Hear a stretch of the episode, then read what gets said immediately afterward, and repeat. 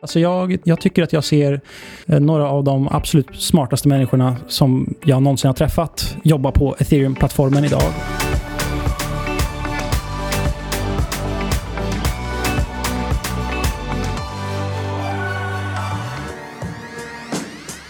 Du lyssnar på Outsiders med den första av två specialavsnitt med fokus på ethereum och ether. För att kunna göra det här så har vi med oss eh, förvaltaren av den enda nordiska kryptofonden, eh, Arcane. Och eh, då är det alltså Erik Wall som ni har lyssnat på tidigare på den. Hej Erik! Hej, hej. När du och jag var i New York för ett år sedan samtidigt så stod vi på en takbar och så pratade vi om vem av oss som skulle behandla våra fonder först. Du vann. Yes, jag vann. Haha.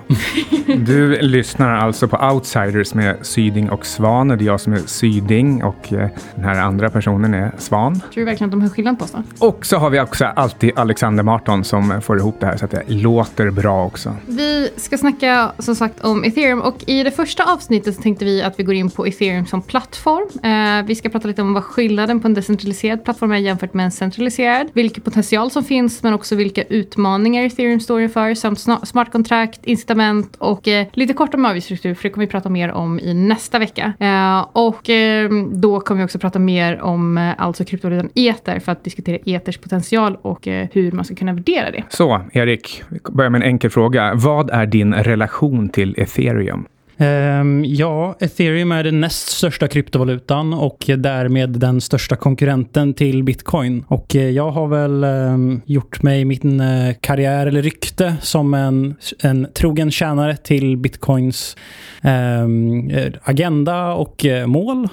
Och då så kan man inte riktigt... Det är väldigt svårt att vara en person som tycker om både bitcoin och ethereum utan att bli... Eftersom att de är så mycket mot varandra och tävlar så mycket med varandra och har så mycket åsikter om varandra. Så min relation eh, är med ethereum är komplicerad. Jag tycker att ethereum gör värdefulla saker. Men jag måste tänka väldigt mycket på vad jag säger och hur jag uttrycker mig så att jag inte gör mm, för många människor upprörda.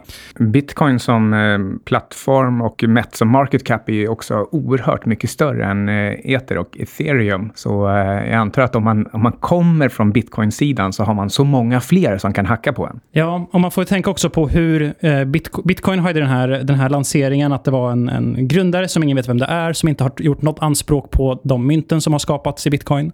Medan ethereum hade en så här gigantisk pre-mine, alltså att de mynten som finns i ethereum var redan eh, utgrävda från början och så fick eh, ethereum foundation och Vitalik och de som grundade kryptovalutan välja lite grann vem som skulle ha hur mycket. Och, så att det är det som många bitcoiners eh, vänder sig emot. Att, att man har försökt lansera en ny världsvaluta och så har man eh, gjort anspråk på stora delar av antalet från början. Så att eh, i, i den meningen så är det många bitcoiners som menar att ethereum är en scam. Eh, det här är till för att eh, berika de som har grundat kryptovalutan och Satoshi som är grundaren av bitcoin, han skulle aldrig ha gjort någonting sånt här.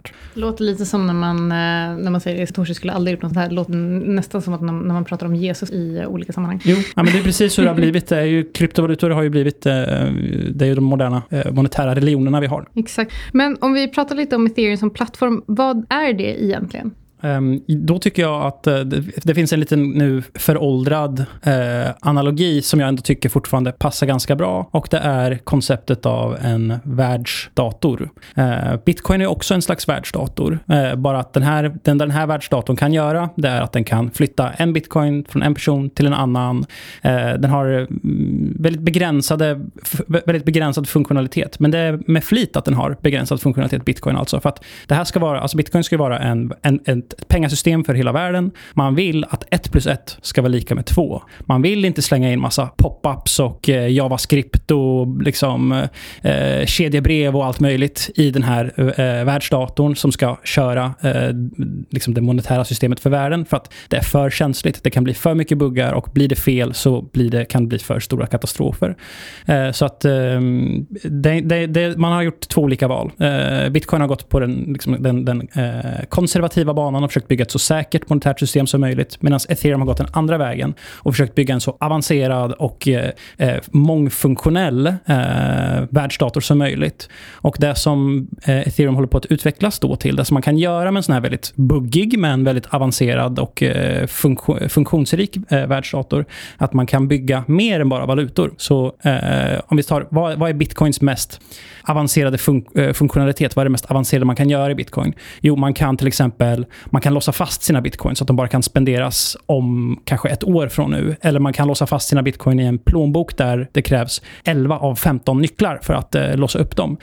En slags förenklade smarta kontrakt. Precis. Och ethereum, eh, vad är ethereums mest komplexa applikation? Jo, ethereum kan köra ett helt eh, börssystem inuti kryptovalutan själv. Så till exempel ett sånt ordermatchningssystem som finns inne i Avanza, som finns på Stockholmsbörsen när man har köp och säljordrar som ska matchas och det ska finnas en lista av vilka ordrar som kommer in i vilken ordning. Ett helt sånt system kan köras inuti kryptovalutan Ether. Så där har man eh, lite, he helt olika egentligen visioner på vad kryptovalutan ska bygga för någonting. Men jag, för jag funderar lite på det att för, för bitcoin då är ju skapat med syftet att vara pengar och det var ju inte ethereums syfte i sig heller så det kanske är lite orättvist att kanske jämföra bitcoin med ether till en början men nu så går det väl lite snarare åt det hållet. Ja, det har börjat bli så. Alltså när ethereum lanserades så sa man att bitcoin det är det digitala guldet och ethereum det är digital olja. Och det man menar då att det är olja det, är, det är någonting som man ska använda för att köra ett maskineri. Det är eh, bränsle för att köra den här gigantiska världsdatorn. Men man sa aldrig någonsin att ether skulle vara, bli sedd liksom som den här nya pengarna som vi använder, som vi handlar med.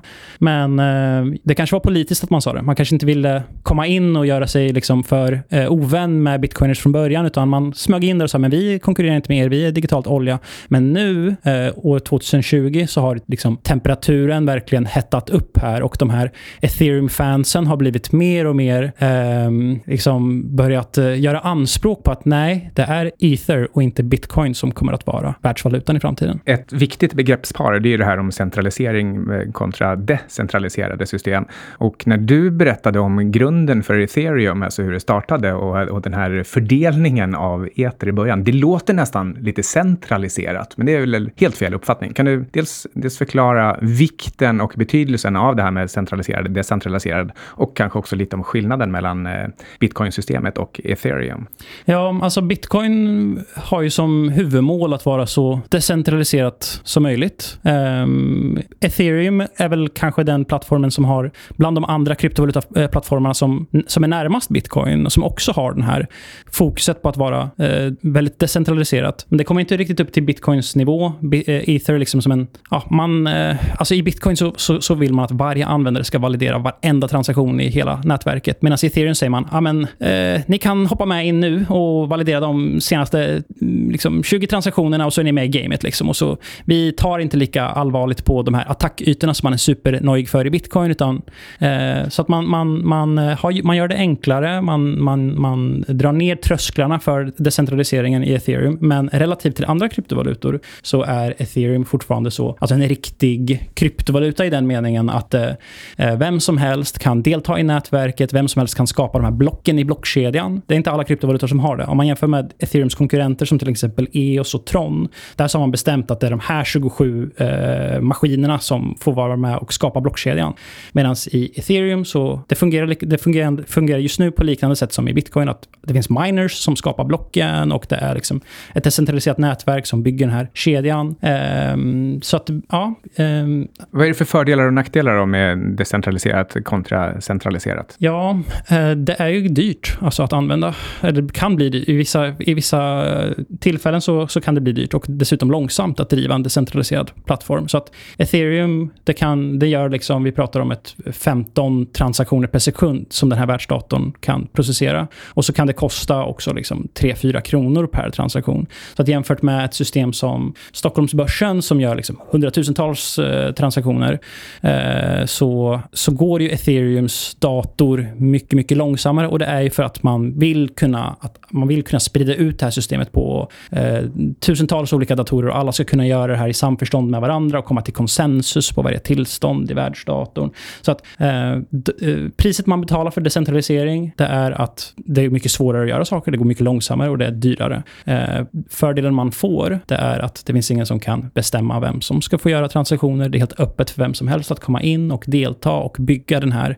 gemensamma, eh, det här gemensamma systemet. Och där, där finns det massor med fördelar som vi kan kanske eh, dyka in lite grann på. Vad är det för någonting som, som man får i det här världsdatorvärlden eh, som man inte får av traditionella liksom, finansiella fintech-plattformar och dylikt? Jag funderade lite på det här. Vi kanske ska backa bakåt ett steg bara. Och eh, om, man, om man skulle jämföra en centraliserad plattform med till exempel ethereum. Vad, eh, för vi var precis inne på fördelar och nackdelar, men varför, med, med tanke på att det bli, kan bli dyrare och att det kan gå långsammare med eh, ethereum. Varför ska man välja att bygga sina applikationer på ethereum snarare än till exempel någon annan plattform som eh, Google eller Amazon eller vad det nu skulle kunna vara? Ja, jag tror att det är kanske jättebra om vi pratar om vad är det för liksom, unika fördelar som ethereum, vad är det för någonting som ethereum kan göra som till exempel inte Avanza skulle kunna göra.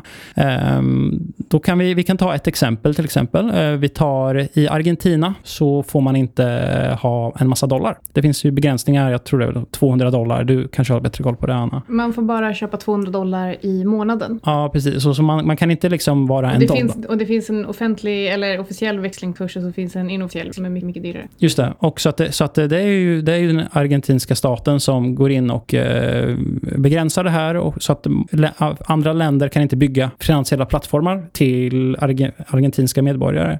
Men eftersom att eh, ethereum är decentraliserat, det krävs bara en internetuppkoppling, så finns det ingen som står där och står vid porten och säger du får komma in och du får inte komma in. Så att på ethereum-plattformen, om du är i Argentina, nu finns det alltså argentinska människor som har dollarkonton i ethereum och där får de ha hur mycket ethereum de vill. Det kanske inte argentinska staten gillar, men de kan ha dollar och de här här dollarna kan de flytta in och ut ur landet precis hur de vill. Och, eh, men det är bara, alltså det här är bara den här, den här dollarn som man kan ha inuti ethereum. Det är, liksom, det är en av de här små beståndsdelarna. Det finns hur mycket som helst som man kan, som man kan göra. Kan ta bara några andra korta exempel på vad man, vad man kan göra med sitt ethereum, med sin ethereum wallet som man inte kan göra eh, i, i andra fall. Ja, men säg till exempel att du har, du har dina dollar och du har, kanske, du har kanske aktier och du har ether och andra digitala besparingar. Och nu så vill du eh, få krediter. Du kanske, du, kanske, du kanske inte vill sälja dina aktier. Du, kan, du kanske vill ha dem på ditt eh, aktiekonto. Och, men du vill fortfarande ha krediter för du har en massa utgifter den här månaden.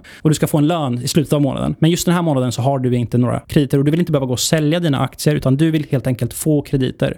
Eh, så som vi hade gjort i Sverige, då antar jag att folk hade kanske gått och tagit ett sms-lån då. Men säg att du inte eh, får något sms-lån, du har ingen kreditvärdighet, du har inte något, eh, eh, du har inget pass eller du har inte någon tillgång till någon kreditverksamhet överhuvudtaget. I ethereum så finns det inte några sådana regler för vem som eh, eh, kan få åtkomst till olika finansiella eh, tjänster. Så det finns kreditverksamhet inuti ethereum. Du kan få ta ut eh, ett, du kan få ta ut leverage, alltså hävstång på dina existerande tillgångar och så kan du spendera dem under en månad och sen så betalar du tillbaka dem och under den här tiden så kanske dina aktier har växt under pris. Du har inte behövt sälja dem under tiden. Så att som argentinsk människa, du kan ha ett dollarkonto, du kan få krediter, du kan föra över dina pengar hur du vill. Sen Sen så finns det mm, mängder av massa andra små applikationer som är, eh, som är lite, lite komplicerat att förklara, men, men ett exempel som jag kan ta upp som jag tänkte på på vägen hit, det är att du kan, säga att du har ett, eh, ditt konto med massa olika digitala tillgångar, till exempel ether och eh, dollar. Du kan låna ut den här likviditeten i ditt konto till arbitragehandlare.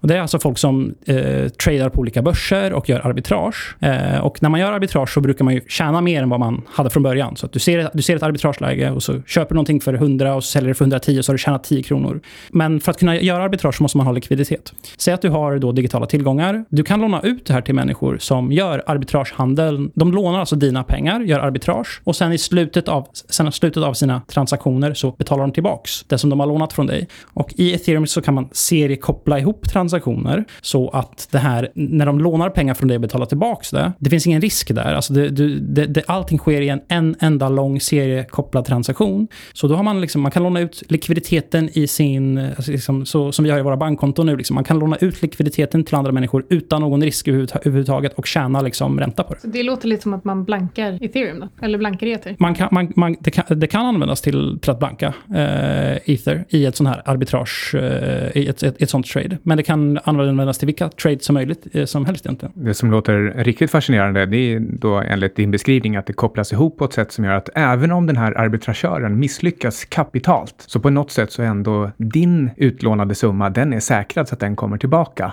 Ja, det har lite grann med att göra hur ethereum som system fungerar och det är ju att eh, ethereum-databasen uppdateras ju i, i en, eh, med, med, med, block. Eh, precis som alla de här kryptovalutorna uppdateras eh, via en blockkedja. Och eh, i ett block så finns det en massa olika transaktioner. Och eh, där man kan bestämma då att eh, men i det här blocket, om jag lånar ut pengar i det här blocket, jag vill få tillbaks, den sista transaktionen i blocket ska betala tillbaks min summa pengar till mig, annars vill inte jag låna ut dem. Och då kan man, antingen går hela transaktionen igenom, alla eh, seriekopplade transaktioner personer i den här eh, transaktionskedjan igenom eller så går ingen igenom. Och då vet man att det finns liksom, det kallas för, det här, det här begreppet är ganska nytt, det kallas för flash loans. Det har kommit ut för bara några månader sedan. Och vi har redan börjat se att det är liksom massa olika plattformar som börjar utnyttja det här och ja, bygger produkter eh, kring det. Så det är jättenytt, men det är, det är en sån eh, vacker fördel vad som kan hända när man har en helt öppen plattform för eh, finansiella produkter där vem som helst kan komma och tänka och snickra ihop någonting och lansera det utan att egentligen behöva skaka hand med någon eller prata med någon människa överhuvudtaget. Innan vi går vidare och djupdyker i vad man kan göra med ethereums plattform så vill vi tacka vår partner Fontobel. Och Fontobel har ju alltså varit med i Outsiders i princip sedan start och vi är faktiskt väldigt glada att de vill fortsätta jobba med oss. Och eh, de är alltså en schweizisk bank som startades 1936 så det är med andra ord en trygg bank att luta sig mot. Eftersom vi kommer att prata om ethereum idag så vill vi såklart lyfta deras trackercertifikat mot kryptovalutor. De har både ether och bitcoin men även Ripple och Litecoin. Och för den som söker en diversifierad exponering mot kryptovalutor så kan man investera i deras trackercertifikat med fem olika kryptovalutor i portföljen och inklusive då bland annat bitcoin och ether. Fontobels produkter går att handla via både Nordnet och Avanza så det är lättillgängligt. Eh, och om du faktiskt är intresserad av att veta mer och veta vilka tillgångar de har som underliggande, för det finns ett helt gäng av dem, så kan du hitta det och mycket mer och artiklar som hör till på certificates.fontobel.com. Fördelen med att handla kryptovalutor via trackercertifikat är flera, inte minst på grund av att det är smidigt att samla alla innehav på ett konto. Kom dock ihåg att det är en volatil marknad och att alla investeringar är förknippade med risk så gör din egen analys innan du bestämmer dig för att köpa eller sälja finansiella instrument. Tack von Tobel. Tack von Tobel.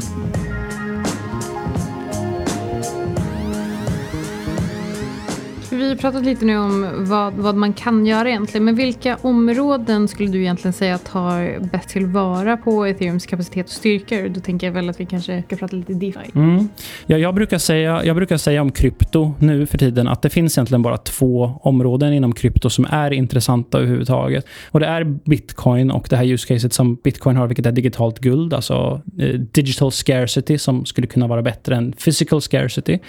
Eh, det är ett jättestarkt use case för krypto. Det andra starka use caset är DeFi. Och det som vi har varit inne lite grann på nu, det är att bygga en eh, finansiell, finansiella plattformar som är decentraliserade, där vem som helst kan komma in och bygga olika typer av finansiella produkter. Eh, och vi har varit inne lite, vi har pratat lite grann om det, att man kan, att man kan ha dollar, men vi kanske ska gå in lite mer på vad det, vad det egentligen, vad betyder att man kan ha dollar på ethereum.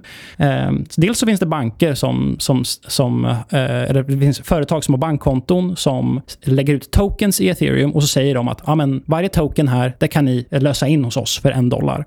Och då så blir de här tokensen värda en dollar. Men det finns andra sådana här dollars också som inte är backade av bankkonton utan de är backade av ether. Så att där har man en dollar och den här går att lösa in för en mängd, alltså ether, kryptovalutan ether. Värdet på de här tokensen är fortfarande en dollar, men det är backat av eh, ether, vilket gör att det finns inga bankkonton som man kan frysa ner. Så att det går inte att stänga ner den här, eh, det här dollarsystemet. Alla andra sådana här eh, offshore eh, dollar facilities som har funnits tidigare, som Liberty Reserve och liknande. Där har regeringar till slut sagt att Nej, men här sker det massa fuffens finansiell verksamhet. Nu stänger vi ner hela det här systemet och så har alla som använt det förlorat sina pengar.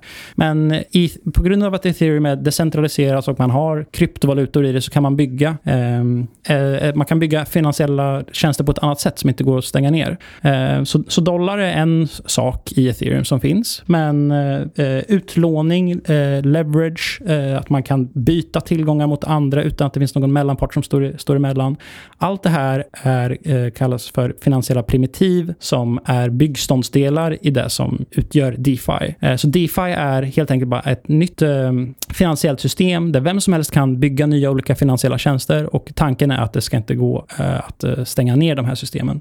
Så det är lite grann som att om bitcoin är en dollar och i dollarn så vill man inte ha massa pop-up-reklam och vad det nu är för någonting. Man vill inte att själva dollarsedeln ska kunna, eller det digitala guldet ska kunna göra någonting, utan det är helt frikopplat från resten. Och, och i, det, eh, i den beskrivningen så är då istället hela det finansiella systemet med banker och börser och advokater och liksom egentligen hela det nästan ekonomiska systemet. Det är motsvarigheten till vad man kan bygga med, med i det här DeFi-systemet med ethereum. Att eh, där är själva, själva valutan eller liksom gasen, den är, den är mindre intressant och eh, det är just det här sammanhängande systemet där eh, eh menar, alla transaktioner, allting i hela systemet hänger alltid ihop. Du behöver inte hoppa från bank till advokat till valuta. Exakt. Eh, ja, det är jättebra uttryckt eh, tycker jag. Det, det är precis vad det är. Och det som bitcoiners menar det är ju att Ja, men alltså pengar är egentligen det som är huvudmålet. Alltså det är the Federal Reserve och det är tryckandet av pengar. Det är de grejerna vi ska komma bort från. Allt det här som ethereum försöker göra, det är... Men varför ska, varför ska vi köra liksom hela börser inuti krypto? Alltså så här, det är ju liksom ett annat... Det är ett väldigt komplicerat och mycket mer avancerat mål som man inte riktigt har tid för i bitcoin. Man, man är väldigt fokuserad på bara, kan vi bara bygga en stabil eh, decentraliserad valuta och få den att funka först, vilket vi knappt har lyckats med liksom än. Eh, och ethereanerna är redan där ute nu och ska bygga liksom om det hela. Liksom, de ska ersätta hela bankväsendet och eh, hela eh, aktiesettlementsystemet och eh, börssystem och allt möjligt och bara proppa in det i en gemensam global eh, plattform. Vilket är superfascinerande men också svårt. Vi har pratat förut, du och jag, om just risken för att allting bara kollapsar under sin egen tyngd. Att ethereum, själva, själva kedjan eller alla koder som ska köra göras, alla, alla kopplingar här, det blir till slut för komplext och för tungt så att allting bara, alltså koden stannar. Ja, och det, det sker redan idag i viss utsträckning. Det här som jag pratade om att man kan till exempel låna ut sin likviditet i sin plånbok. Eh, alltså om du har en, en wallet och så har du eh, ether och dollar där eh, och så kan vem som helst låna de här tillgångarna under ett kort ögonblick. Men, men det, som är, eh, det som ethereum är tänkt att säkras av, det är ju av, alltså det man röstar med när man ska göra konsensus i nätverket, det kanske blir lite komplicerat nu, det är ju också sin, sina ekonomiska medel. Det är de ekonomiska medlen som skapar hela tryggheten och säkerheten i den här plattformen.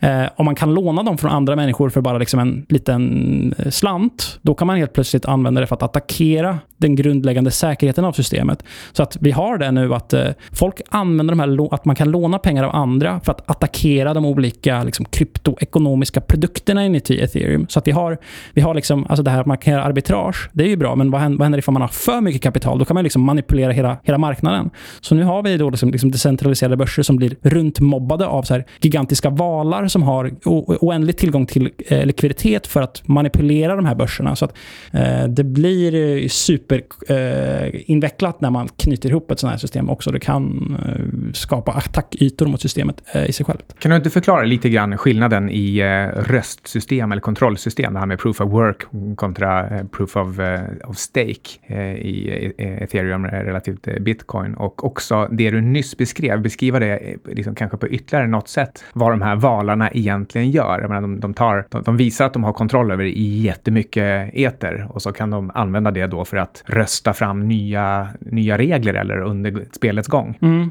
Um, jag tänkte lite grann på det på vägen hit, hur man ska, hur ska man beskriva på ett enkelt sätt vad det här, uh, vad proof of work och proof of stake och konsensus är i sådana här uh, nätverk. Och jag tänkte på det som att, ja men, uh, ni vet man har en tuggummiautomat, Stoppar man in en slant där och så snurrar man runt veven och så kommer det ut en leksak. Tänk dig att ethereum och bitcoin är en sån här tuggummiautomat Och den ska eh, eh ha det här liksom mekaniska maskineriet att kunna omvandla en peng till en, till en, till en leksak. Alltså det, det, det är liksom en, en primitiv typ av dator. Uh, då står det liksom en person eh, och snurrar den här veven. Och i Avanza till exempel, då så är det samma person. Det är Avanza som står och snurrar den här veven hela tiden och det är de som processerar alla transaktioner in i den här liksom, tuggummiapparaten. Men då blir det ju Avanza som är, då blir det Avanza som är de som bestämmer vem ska få komma och stoppa mynt i den här tuggummi-automaten. Då kan de sätta stopp för vissa personer, släppa igenom vissa och det är det de gör också. Man måste ha bank-id för att få komma in på Avanza. Eh, så hur gör man då att eh, ska vara, hur gör man då så att eh, vem som helst ska kunna komma in i den här tuggummi-automaten? Jo, det är för man turas om och man har olika personer som kommer fram till den här tuggummi-automaten och drar liksom ett varv. Så vi har först Kalle som kommer fram och drar ett varv i den här mekaniska veven och sen så har vi Alexander och sen så har vi Mustafa och alla alla de här människorna har helt olika uppfattningar om vem det är som borde få komma in i systemet så att det finns inte någon, det finns, in, det finns ingen censur i systemet. Eh, och hur man gör det här i bitcoin då, att hur, hur väljer man ut den här personen som får komma fram och eh, snurra i den här mekaniska, mekaniska veven? Ja, det är det som i bitcoin heter proof of work. Man bränner eh, elektricitet på ett eh, bevisbart sätt. Eh, och när man gör det, då får man, när man har bränt den här elen och man kan visa med en eh, eh, siffra, eh, blir väldigt avancerat att förklara just hur den här siffran eh, uppstår av hur man bränner el, men det går att göra i alla fall av, att man gör väldigt många beräkningar per sekund, så kan man producera ett tal som är svårt att producera.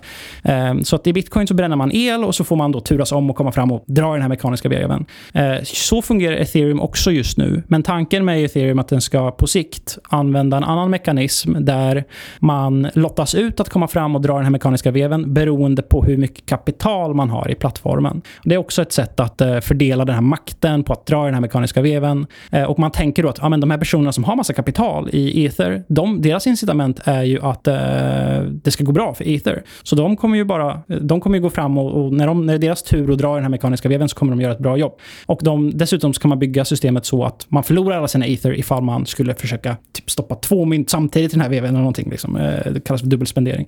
Eh, så att eh, det är två olika sätt att, att driva det här systemet på och det har olika fördelar och nackdelar. Jag funderar om vi ska gå in lite på eventuella och potentiella konkurrenter till ethereum. Hur, hur ser det ut där idag? Ja, ehm, det, här som jag sa att eh, bitcoin är det, liksom, bitcoin och DeFi är de två enda eh, intressanta områden. Precis som bitcoin har massa olika konkurrenter och det är andra kryptovalutor som vill bli den nya bitcoin så finns det massa andra plattformar som vill ta över det här DeFi-området. Och ehm, ethereum är ju ledande där nu. Det är de, de största liksom, DeFi-applikationerna idag som har hundratals miljoner dollar i volym. De kör på Ether idag och de har, liksom en, de har nätverkseffekt där idag. De, alla de största applikationerna finns. Men ethereum, eh, som sagt, vi pratade om det, de försöker ju vara väldigt decentraliserade, vilket gör att eh, det är en del avgifter som man måste betala. Det går fortfarande liksom lite långsamt att driva de här applikationerna på ethereum-plattformarna. Eh, på ethereum-plattformen. Men då finns det andra konkurrerande plattformar till Ether som har använt mer modern konsensusteknologi och eh, eh, har mindre decentralisering i systemet för att det ska helt enkelt gå att processera fler transaktioner per sekund till en billigare avgift.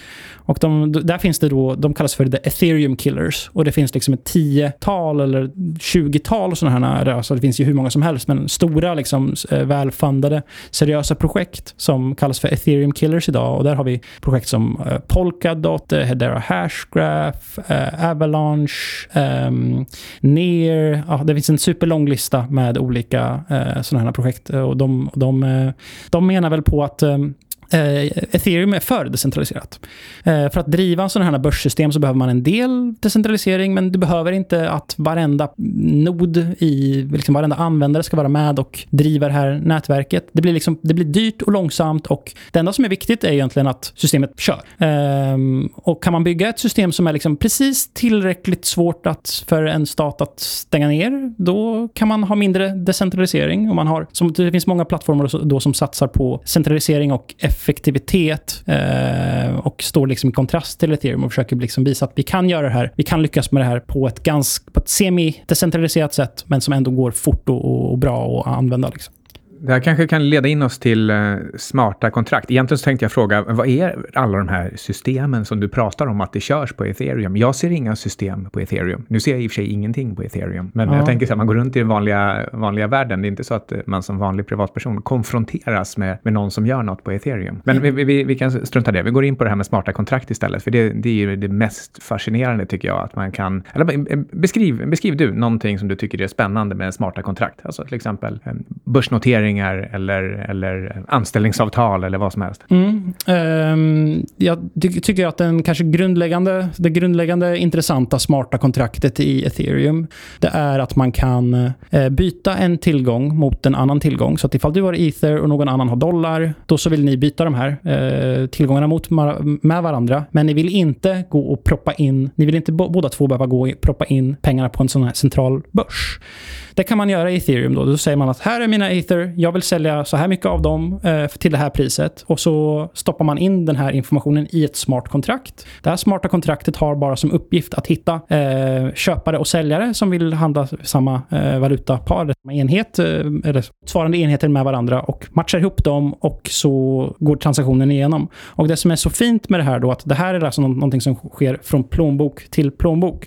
Så att du lämnar aldrig över, du behöver inte stoppa in dina pengar på någon börs. Du kan inte bli av med dina pengar för att den här börsen börsen blir hackad, utan det går direkt från din plånbok till den här andra personens eh, plånbok. Så det är liksom det som är eh, typ grundläggande principen med smarta kontrakt. Det är att man kan bygga funktionalitet och eh, ett, ett sätt att använda sina pengar på som inte gör att man behöver ge upp kontrollen till någon tredje part. Så att eh, allt det som vi gör idag med fintech-plattformar, det kräver att du ger dina pengar, dina tillgångar till den här tredje parten som ska då ja, matcha ihop dig med andra eh, eller låna ut pengar till dig. Men, men i ethereum med med hjälp av smarta kontrakt så kan man bygga all den här finansiella logiken utan att man behöver ge upp eh, någon, någon kontroll till någon annan. Och du nämnde där lite grann eh, eh, börsnoteringar. Och det är ju så, jag, jag, kom ju, jag, jag jobbat tidigare på Sinober. Och anledningen att jag anställdes på Sinober, det var för att bygga ett eh, aktiesettlementsystem för, eh, med, som skulle vara baserat på blockkedjeteknologi. Eh, och det har ju varit nu i finansbranschen lång tid att man har försökt bygga om de existerande arkaiska finansiella databaserna med blockkedjeteknik. Det har gått sådär eh, de här senaste åren. Det är inte riktigt i den, i den eh, företagsvärlden liksom kickat off. Men i ethereum så har det ju, så har det ju, har det ju, har det ju liksom Liksom tagit fart på ett annat sätt. Eh, och där så, det finns alltså, det finns företag som har listat sina aktier i ethereum idag. Det finns alltså värdepapper som du kan köpa inuti ethereum idag. Eh, och det som, som, jag tyck, som jag tyckte var så intressant då var att eh, vi, vi på Sinobi, vi, vi byggde börssystem och eh, jag vet hur processen ser ut när man, när, man vill list, när man vill notera en aktie på en börs. Då kommer man till börsen och säger man vi vill, vi vill lista vår aktie på den här börsen och då säger de ah, okej, okay, men jättebra, då, ha, då ska vi ha en IPO till er och då så, eh, så kommer de här aktierna fördelas ut via en auktionsprocess. Och det är liksom en auktionsprocess för alla aktier. Det finns kanske en eller två parametrar som man kan, som man kan få leka med, men egentligen samma liksom, auktionsmodell som alla, eh, som alla tvingas in i. Eh, I ethereum så kan, så, så, så kan man också eh, ha en, en auktion för sina aktier, en, en IPO. Men eh, i och med att vem som helst kan skriva eh, de här, alltså du som, om, om ni bara har en enda programmerare på ert företag, då så kan han skriva liksom hela logiken till hur den här auktionsmodellen ska funka. Och det finns ju massa olika sätt som man kan lägga upp en, en auktion på. Det finns ju Dutch reverse auctions, Dutch auctions, eh, first come first serve och massa olika sätt att sätta det här liksom, eh, priset som auktionen ska eh, sätta på. Och massa olika sätt att baka det här på. Och det har man på och leker runt med. Man har lekt runt i det här med olika auktionsmodeller i ethereum eh, flera år nu. Och eh, man kan se då, okej, okay, eh, vilka av de här auktionsmodellerna funkar bra? Vilka fun fungerar mindre bra? Vilka auktionsmodeller är lämpliga för små eh, IPOs? Vilka är lämpliga för bra IPOs? Och så bara kopi man kopierar den senaste som gick bra och så tänker man, ja, men det problemet som de hade, det var kanske att eh, ja, eh, auktionen gick lite för långsam eller den, den, tog lite för lång tid. Så vi, vi kortar ner den och så ser vi hur det går. Och får vi fortfarande bra liksom, pris och blir folk nöjda och så, och så prövar man.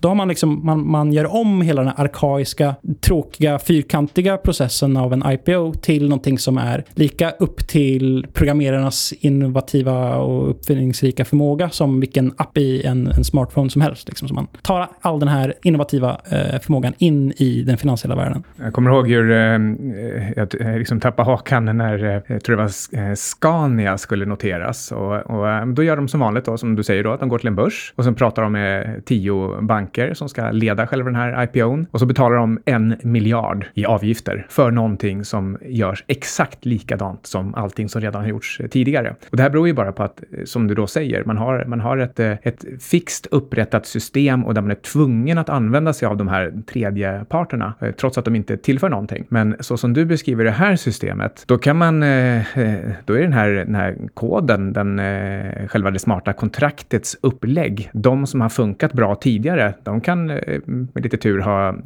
eller de kanske alltid till och med eh, är tillgängliga gratis i form av öppen källkod i kedjan. Och så kan man använda samma som förut, de som då har visat sig fungera bra. Så får man göra det helt enkelt så billigt som det blir att bara ta koden. Exakt, och det är det här som är kärnan i hela, det är det här som är kärnan med hela DeFi. Det är att man eh, alltid med andra finansiella plattformar, alltså banker, fintechsystem, så ska man alltid bakas in på någon, man ska gå in på någon plattform och så finns det massa olika liksom, produkter och sätt att göra saker på som är specifikt för den plattformen. Men i DeFi, varenda liten finansiell komponent, om det är ordermatchningen eller vilken doll, eh, dollarenhet man har eller vilken eh, kreditfacilitet, eh, eh, alltså all, eh, och en, även mer specifika saker än så. Alltså man kan gå in på väldigt, väldigt smal nivå och varenda liten komponent är upp till eh, vem som helst att egentligen eh, koda ihop och snickra ihop. Och eh, när man sen använder DeFi, då så, om du ska bygga en produkt till en slutanvändare,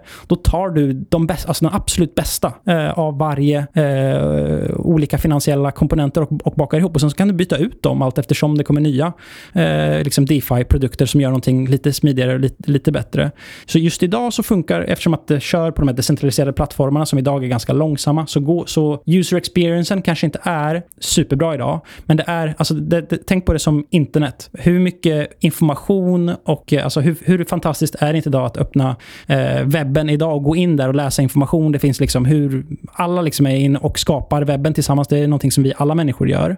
Eh, jämfört med det hur det är att gå, och köpa en gammal tidning som är skriven av liksom Metro och du har det, det all information som finns där. Så det är så man kan jämföra det här, liksom där kollabor, eh, kollaborativa eh, skapandet av en finansiell värld. Det som sker precis på samma sätt som internet eh, i, i början skapade en ny eh, värld för kommunikation. Det här kan ta oss tillbaka till den här ursprungliga frågan om ethereum kontra bitcoin. För ehm, om man tänker tillbaka på när till exempel Wikipedia startades, då, då, skrattade man ju åt den. För att själva artiklarna i Wikipedia, det var ingen som trodde på vad det stod i dem och, och folk tyckte det var jättekul att manipulera innehållet. Och liksom det, det, tog ett ganska bra tag, men, men nu är Wikipedia själva den ursprungliga ordlistan som man går till. Det där, det där sanningen är, snarare än i Svenska Akademins ordlista. Och eh, vad jag försöker komma till är att var vi är nu, då är ju bitcoin är i princip klart. Men ethereum är bara i början, men däremot mycket lovande. Håller du med om det här? Um...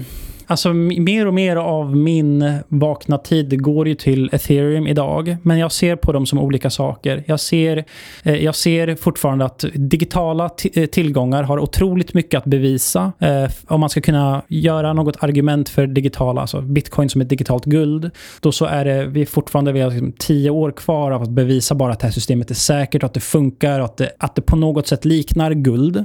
Eh, så att den uppgiften är, den liksom, den är separat. Och sen att bygga den här finansiella globala börsvärlden av eh, eh, den här världsdatorn liksom, som, som ska kunna köra hela det finansiella systemet i framtiden. Det är en, eh, det är en annan uppgift eh, och bitcoin kan, skulle kunna vara inuti ethereum. Det finns redan idag eh, bitcoins inuti ethereum så att jag ser liksom som ethereum som en plattform och bitcoin som en valuta. Ehm, och jag ehm, ehm, vill att båda två ska lyckas jag liksom routar för båda lagen här. Sen så är det ju då, eh, så väldigt mycket konkurrens inom, alltså att folk vill att Ether ska utkonkurrera bitcoin som den här, också valutan i systemet.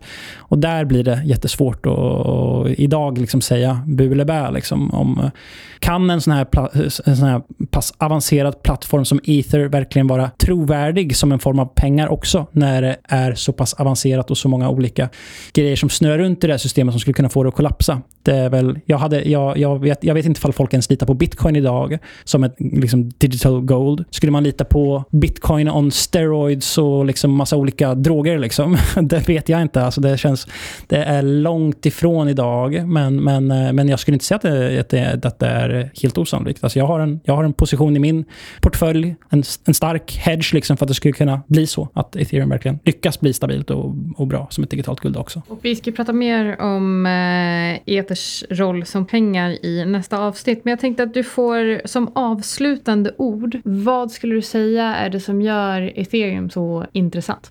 Ja, jag, jag tycker att det är ehm, vad jag ser, alltså jag, jag tycker att jag ser eh, några av de absolut smartaste människorna som jag någonsin har träffat eh, jobba på ethereum-plattformen idag. Jag ser utvecklingar inom kryptografi och computer science eh, som samverkar på ett sätt för att bygga de här finansiella systemen idag. Som, eh, och jag har jobbat inom liksom, fintech-branschen tidigare och vi hade fantastiskt liksom, duktiga eh, ingenjörer på Sinober. Men det finns ing, jag har aldrig sett någonting i mitt liv som liknar den den typ av eh, utveckling som, som sker på den kryptografiska och eh, datavetenskapliga eh, och spelteoretiska fronten som sker i ethereum idag. Så jag, är, jag är liksom bullish på, eh, och jag, jag, vet inte ifall alla människor ser det jag ser. För att jag är liksom i de här nätverken med de här människorna som bygger de seriösa applikationerna på ethereum. Och det är väldigt annorlunda från vad man ser lite grann från utsidan. Om man går på en ethereum-konferens så ser man regnbågsfärgade, liksom blåhåriga, grönhåriga, liksom,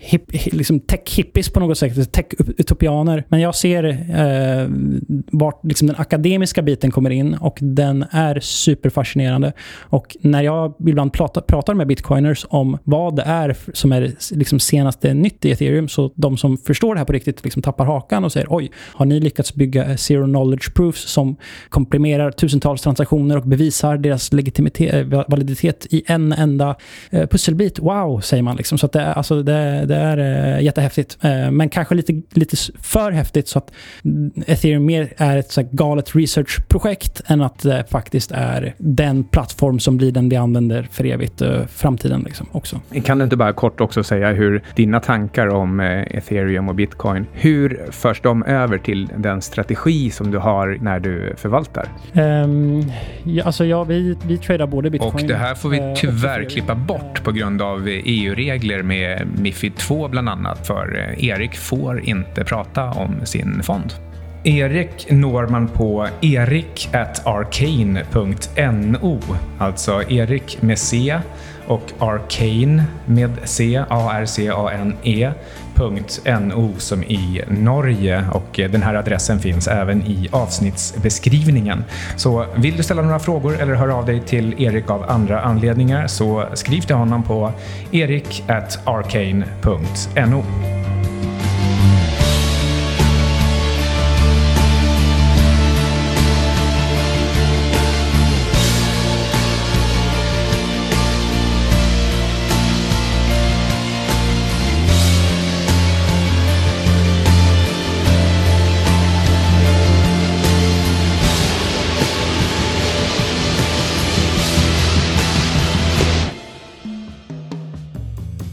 ingenting som du har hört i uh, Outsiders har varit någon typ av uh, rekommendation. Så hur du än gör, försök inte få det till en rekommendation heller. Utan alla placeringar är förknippade med risk som gör att du kan förlora hela eller delar av ditt kapital. Vi äger emellanåt uh, vissa av tillgångarna som vi diskuterar i den här podcasten och våra sponsorer tar inget som helst ansvar för hur du handlar i de tillgångarna. Podcasten är menad för information och underhållning även om vi förstås själva gör så gott vi kan när vi tittar på de olika tillgångarna. Hej då!